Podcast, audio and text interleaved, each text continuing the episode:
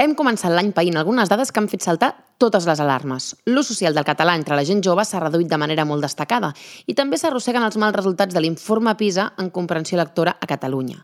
En un context com aquest, prenen més força que mai referents per promoure la lectura en català com la revista Cavall Fort, que precisament al desembre va rebre el Premi Muriel Casals de Comunicació 2023 i que en els últims mesos ha estat en el punt de mira arran de la decisió de l'Ajuntament de Borriana de cancel·lar la subscripció de la revista a la biblioteca del municipi.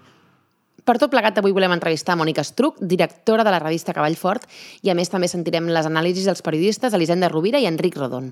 Aquest és el tema principal d'aquest 13è episodi de l'Observatori, el podcast de Mediacat impulsat pel grup de periodistes Ramon Bernils, un espai on cada mes tractem qüestions d'actualitat vinculades al periodisme i la comunicació. Soc la Carme Verdoi i això és l'Observatori. Comencem! L'Observatori, el podcast de Mediacat.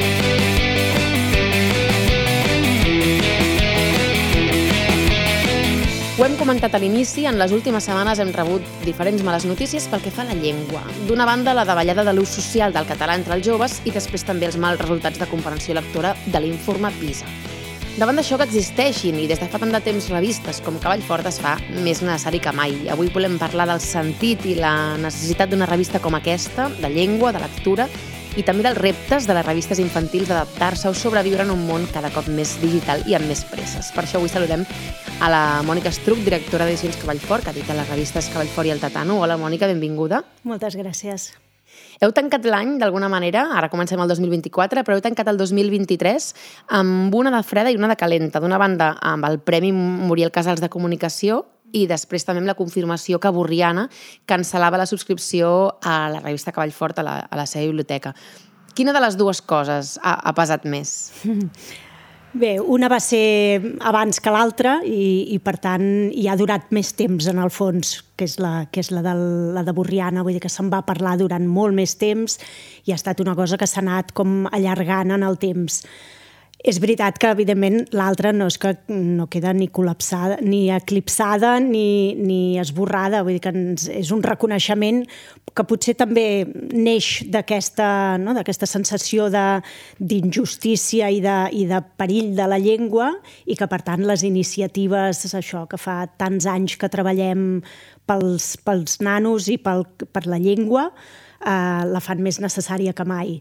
Llavors, per una banda, això, Borriana va ser un, una galleda d'aigua freda, tot i que automàticament la reacció popular va ser també d'extrema de, al·lucinació de dir ostres, ens arriben milers de missatges, però milers sense exagerar, a través de xarxes, a través de correu electrònic, trucades, moltes subscripcions que es donaven d'alta dient no volen donar-ne de baixa, doncs en donem d'alta.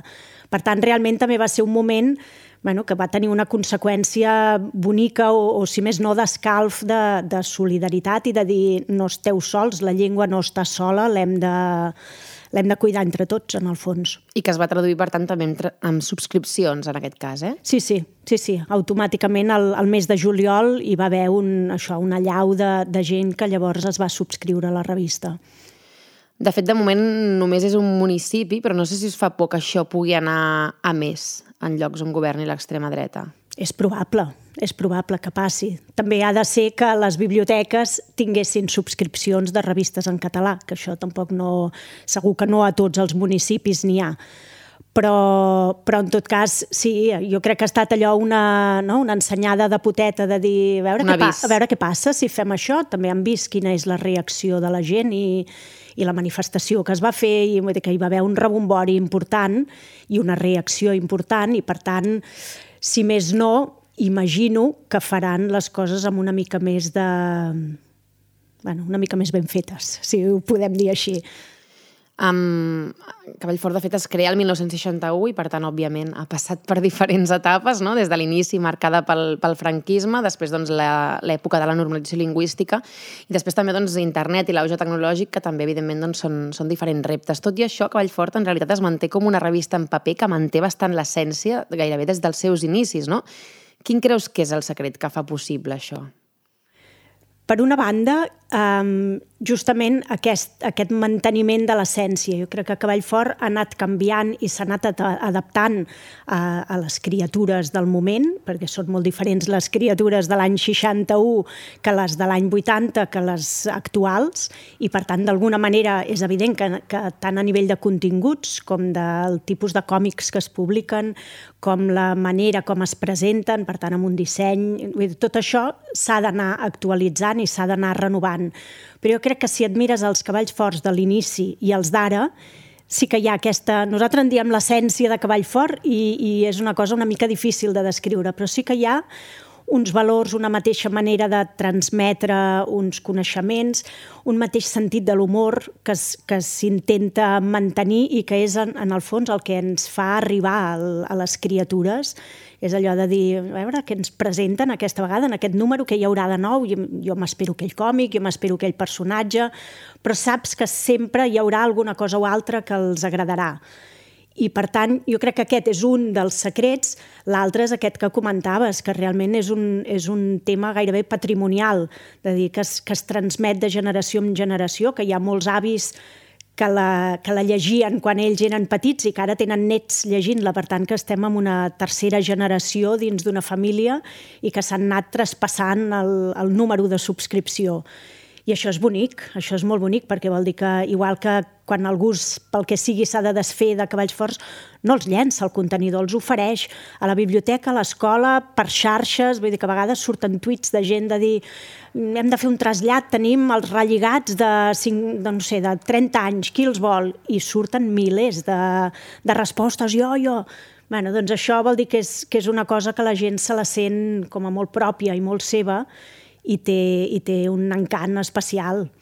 De fet, parlaves també de l'humor, no? d'aquest mm -hmm. humor que, que, que caracteritza Cavall Fort i que, per tant, també fa connectar-hi els nens i nenes. I en alguna entrevista també t'he llegit que reivindiques justament la idea que que els infants ho passen bé amb el cavall fort, no? de, de passar-s'ho bé, no només d'aprendre coses no, no, o de motivar-se per llegir.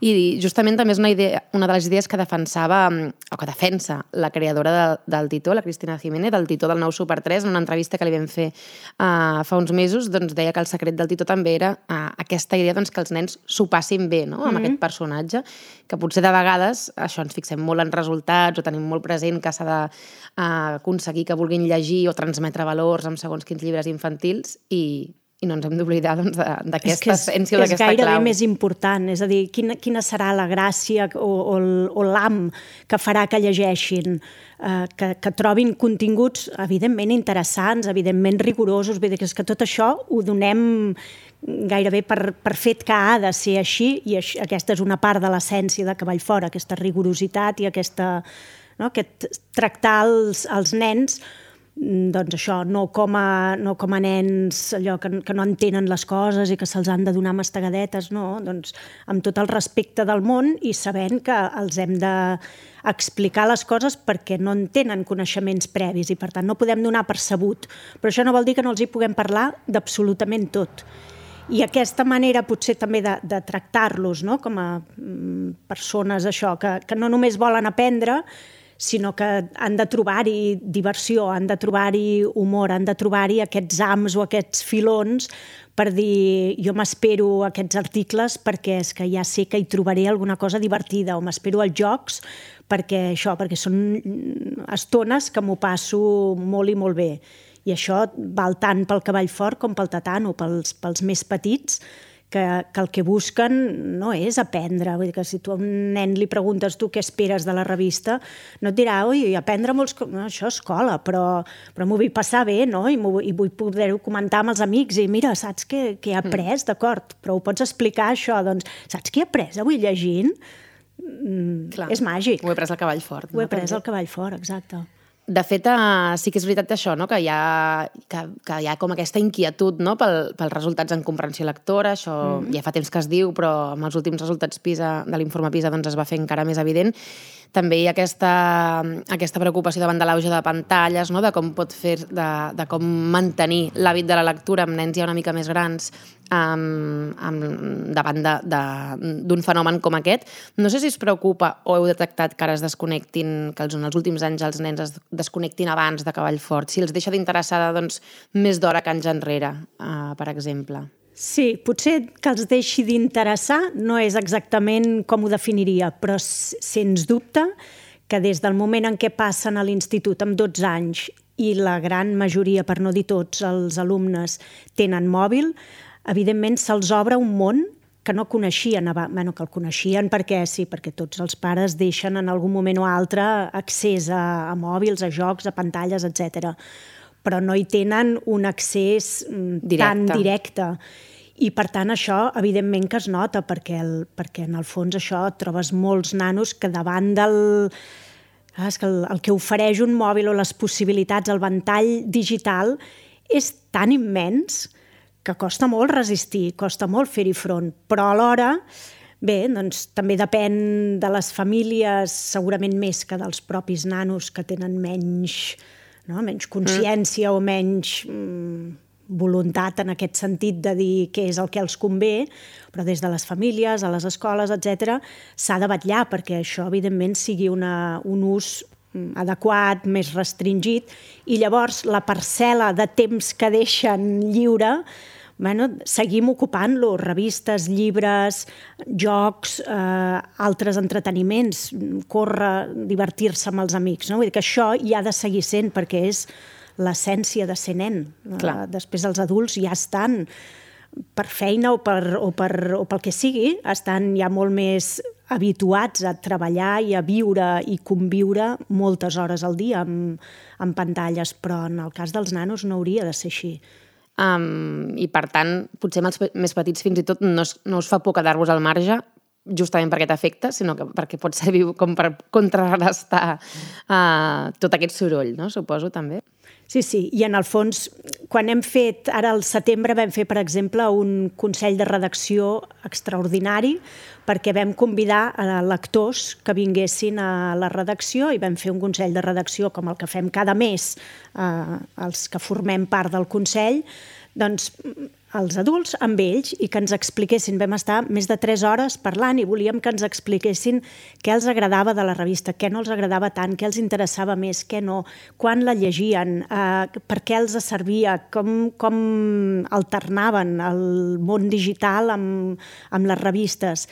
I deien, Clar, és que la revista, si està allà damunt de la tauleta, allò, davant del sofà, és que la pots agafar en molts moments. El mòbil, com que en general hi ha un horari, hi ha un horari o està més regulat, bueno, clar, quan te'l deixen no tens ulls per res més, però després la vida, que és tota la resta d'hores que passen fora de la connexió amb, amb internet, doncs hi ha molts moments i llavors l'avantatge, vull dir que evidentment tothom també hi té un llibre i fa la mateixa funció, però la gràcia d'una revista i d'un magazín, en aquest cas com Cavall Fort o com és el Tatano, és que que la pots agafar i, i si tens mitja horeta et llegeixes un article més llarg, però si tens 10 minuts et dona per llegir les quatre pàgines de, dels barrufets que, que surten, o si tens allò una esgarrapada perquè et criden a sopar, et llegeixes la contra.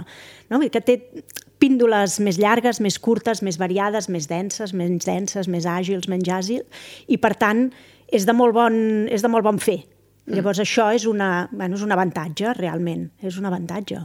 I a l'hora de triar temes, no? justament ara comentaves que heu fet aquest consell de redacció i també em sembla que era l'octubre que dedicàveu el tema central a parlar d'intel·ligència artificial, no? Mm -hmm. És a dir, um, com ho feu per triar els temes? Esteu també pendents del que els interessa als infants o justament una mica el que dèiem abans, no? Uh, com fer-los arribar segons quines qüestions d'actualitat per fer-los-les entendre?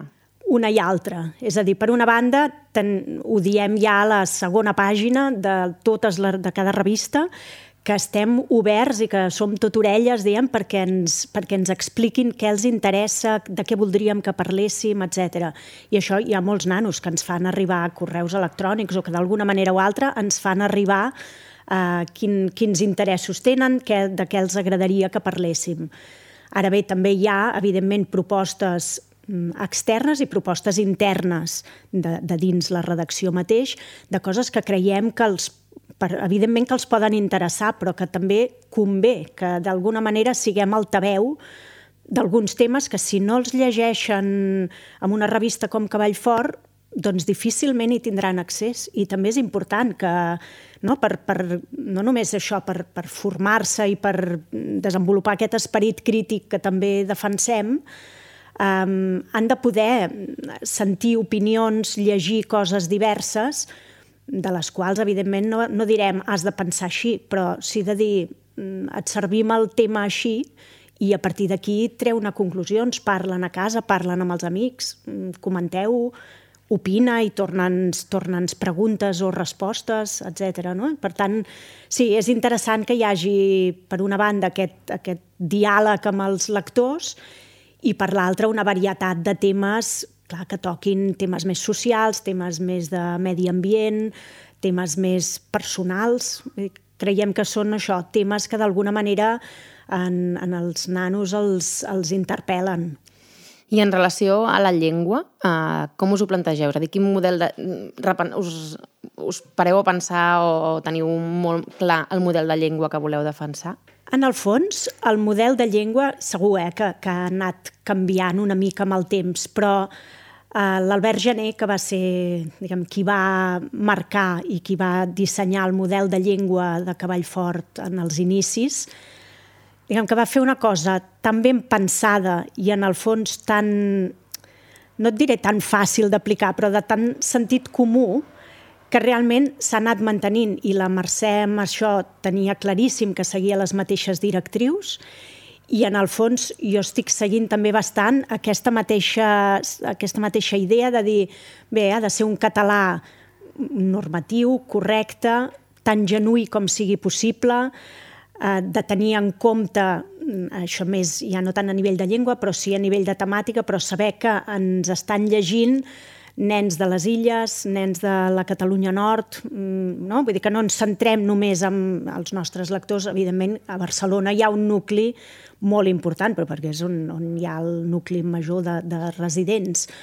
Però en tot cas això, tenir sempre al cap que se'ns llegeix arreu del domini lingüístic, a banda que també se'ns llegeix, evidentment, fora, de, fora dels països catalans, perquè estem enviant més de mil subscripcions arreu del món de catalans que viuen fora i que agraeixen o que tenen una manera de, de seguir vinculats a la llengua a través de les dues revistes.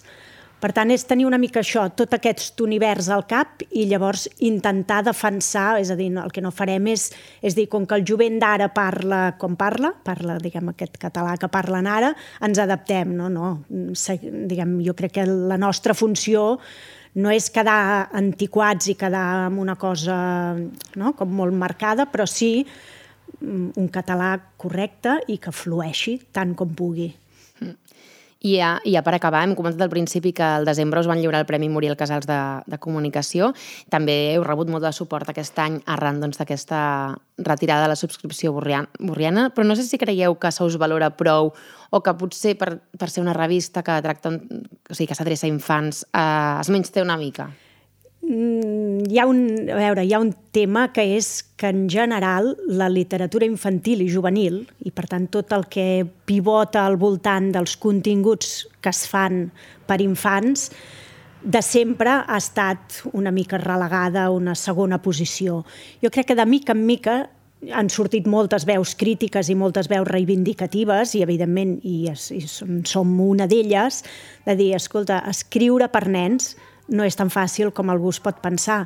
Dirigir-se a nens i fer revistes o llibres interessants i que els nens no els caiguin dels dits um, no és fàcil. Per tant, té el mateix mèrit que fer una, una revista per adults o que fer un llibre per adults. Per tant, jo crec que de mica en mica anem superant aquesta, no? aquesta idea que la literatura infantil i juvenil és de segona. Evidentment, queda molta feina per fer, eh? però, però una mica el, no? El, la roda està girant per dir, per reivindiquem-nos. Llavors, evidentment, un premi sempre visibilitza i llavors no és només que visibilitzem una trajectòria, que també, que una revista de 62 anys mm, ja, ja és per donar-li un premi que hagi sobreviscut a tot el que ha sobreviscut. Però, clar, també és, és el, no, el, el moment actual de dir, doncs, estem fent un producte mm, creiem que ben fet, o en tot cas amb la màxima qualitat de què som capaços, dirigit a un públic que es mereix això i més. Doncs moltes gràcies i per molts anys a Mònica Estruc, directora de Cavall Fort. Gràcies per passar avui per l'Observatori. Gràcies a vosaltres. Una de les funcions que té Cavall Fort és contribuir a normalitzar la llengua al món de les revistes infantils. El periodista i professor de llengua Enric Rodon subratlla la influència de revistes com Cavall Fort i El Tatano i planteja la necessitat de comptar amb una presència normalitzada de la llengua a tot arreu. La infantesa i l'adolescència són períodes capdals a l'hora d'establir patrons lingüístics i, per tant, determinar l'ús que els nens i nenes, els nois i les noies, faran de la llengua. Per aquest motiu, el panorama comunicatiu és un dels pals de paller, juntament amb la família i l'escola, per determinar el grau d'ús amb la que establiran les seves relacions personals, socials i administratives. L'oient més perspicaç haurà detectat que no uso el concepte mitjans de comunicació, sinó un de molt més ampli, panorama comunicatiu, perquè els mèdia ja només són una part d'un univers molt més ampli i encara més competitiu respecte de fa dues dècades.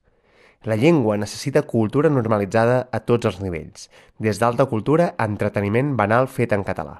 Cal trencar amb els prejudicis d'una llengua moribunda, entendre que les transmissions d'en Puyal ara són comentaris en directe d'esports electrònics Twitch, que els gags del Força Barça i del Polònia es van convertint en continguts graciosos i adaptats als gustos de generacions que obvien els mitjans tradicionals a Instagram, TikTok i a les plataformes que aniran sortint.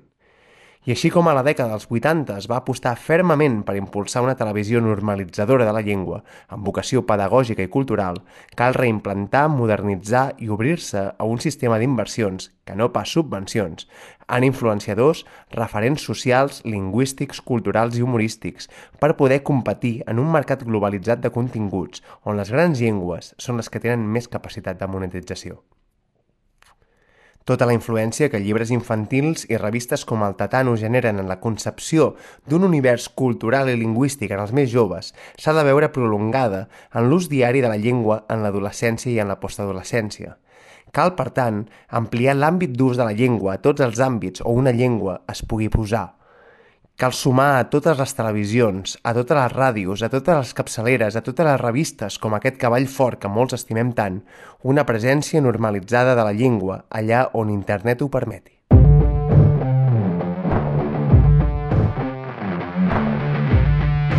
Les veus de Mediacat.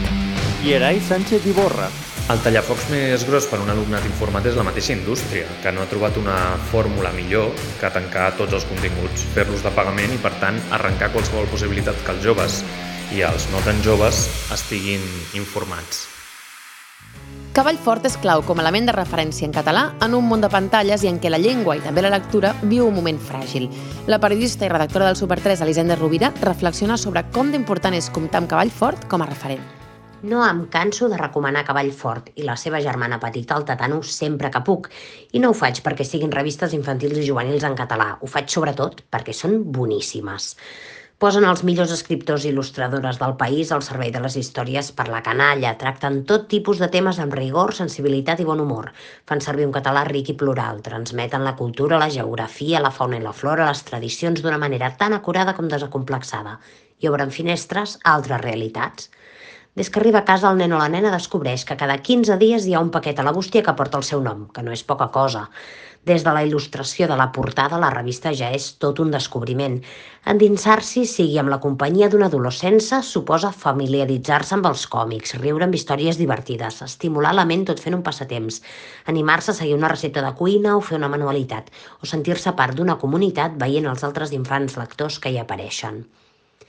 Si sou dels que vam tenir la sort de gaudir d'aquesta meravella quan érem petits, de veure com la subscripció passa d'una generació a la següent de la mateixa família, o de fer-hi amigues per carta que 30 anys després encara conservem, no cal que us convenci de res.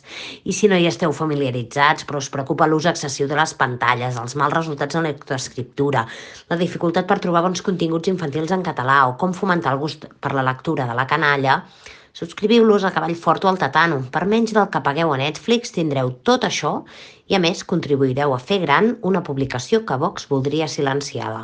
Què més es pot demanar?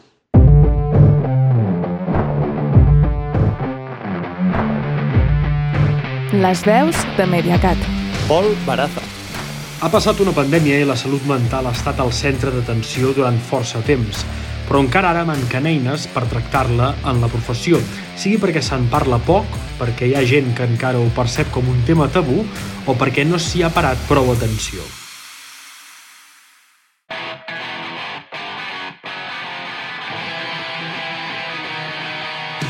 Aquest mes a l'Observatori LGBTI ens hem parat a pensar en com es pot fer perquè el periodisme sigui més inclusiu amb les realitats del col·lectiu. El coordinador de l'Observatori, Víctor Llustres, proposa diferents idees que es poden fer des dels mitjans per promoure una perspectiva més inclusiva. Els mitjans de comunicació, periodistes i comunicadors en general juguen un paper fonamental a l'hora d'oferir notícies en què es parla de les persones LGBTI tenen la responsabilitat de mostrar una realitat diversa i no discriminatòria, revisar que no s'alimentin o estigmatitzin persones o pràctiques determinades i també presentar bones pràctiques basades en la diversitat i en la no discriminació. Per això l'Observatori LGBTI de Mediacat, amb l'ajuda de persones expertes i guies i bibliografia de referència, hem publicat un document amb 8 reflexions o recomanacions a tenir en compte. Per què? Doncs per practicar un periodisme inclusiu i respectuós amb la diversitat sexual i de gènere.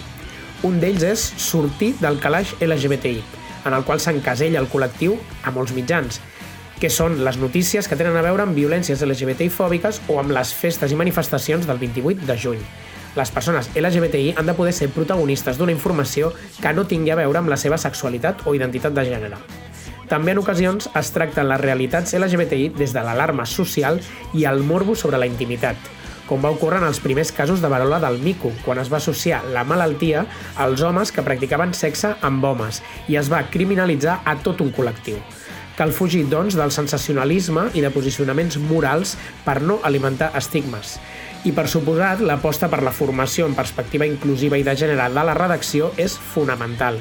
Tota la redacció hauria de tenir nocions bàsiques de vocabulari clau i del context social i legislatiu sobre les persones LGBTI, no és cosa només del redactor o redactora motivat de societat. Les vuit recomanacions també estaran en format pòster perquè es pugui penjar a qualsevol redacció. Confiem en que el camí cap a un periodisme més inclusiu sigui una responsabilitat col·lectiva, tant dels mitjans com de la societat.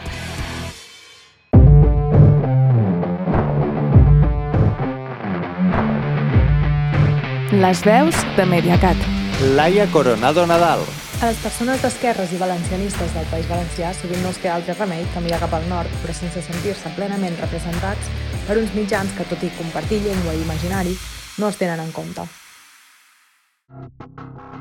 I tanquem aquest episodi del podcast de Mediacat fent un balanç de l'any del mapa de la censura, que recull els incidents que atempten a la llibertat d'expressió i el dret a la informació. Ho repassa la Gemma Garcia, coordinadora del mapa. El 2023, el mapa de la censura ha mantingut la mateixa tendència que l'any anterior, ha registrat 53 incidents, només 6 menys, ja que com el 2022 no ha estat un any caracteritzat per un elevat grau de mobilització al carrer al conjunt dels països catalans, a diferència del cicle anterior de grans protestes contra la sentència del procés i contra l'empresonament del raper Pablo Hasél. Hem de destacar que el 2023 els incidents causats per l'extrema dreta s'han doblat respecte al 2022 i en total representen el 17%. Si afegim els incidents causats pel PP o entitats ideològicament properes, el percentatge s'enfila fins al 30%, un total de 16 incidents. Una de les dades destacades d'aquest any és que la majoria d'incidents recopilats afecten a periodistes. Tot i que no hi ha hagut pics destacables de mobilització al carrer, la majoria dels casos recopilats al mapa continuen afectant el dret a la informació, és a dir, periodistes. En total, 37, una xifra que representa el 71%. Pel que fa a les categories, una de les que suma més incidents, un total de 12, és la d'amenaces, intimidacions i obstaculitzacions, que afecta precisament professionals de la informació.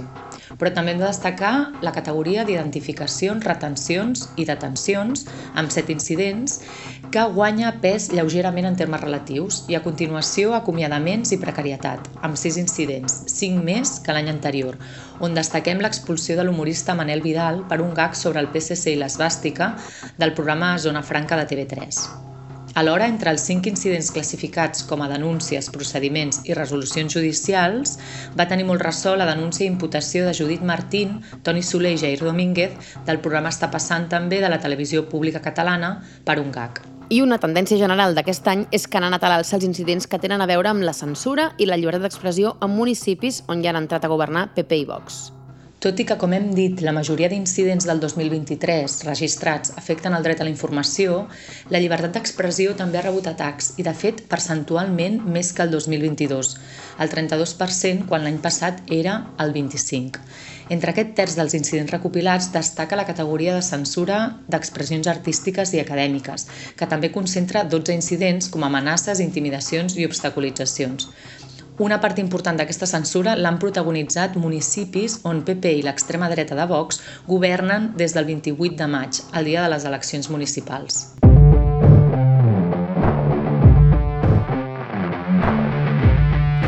Les veus de Mediacat. Josep Àngel Guimarà. Cal combatre el periodisme que promou només el determinisme tecnològic, perquè distorsiona la visió que tenim sobre la tecnologia, els seus impulsors i el seu paper en la societat. I arribem al final d'aquest episodi de l'Observatori, el podcast de Mediacat que és possible gràcies al suport de la Fundació Catalunya Fons. Moltes gràcies a totes les col·laboracions que l'han fet possible i a l'Albert Avilés al control tècnic i al muntatge. Fins al mes que ve!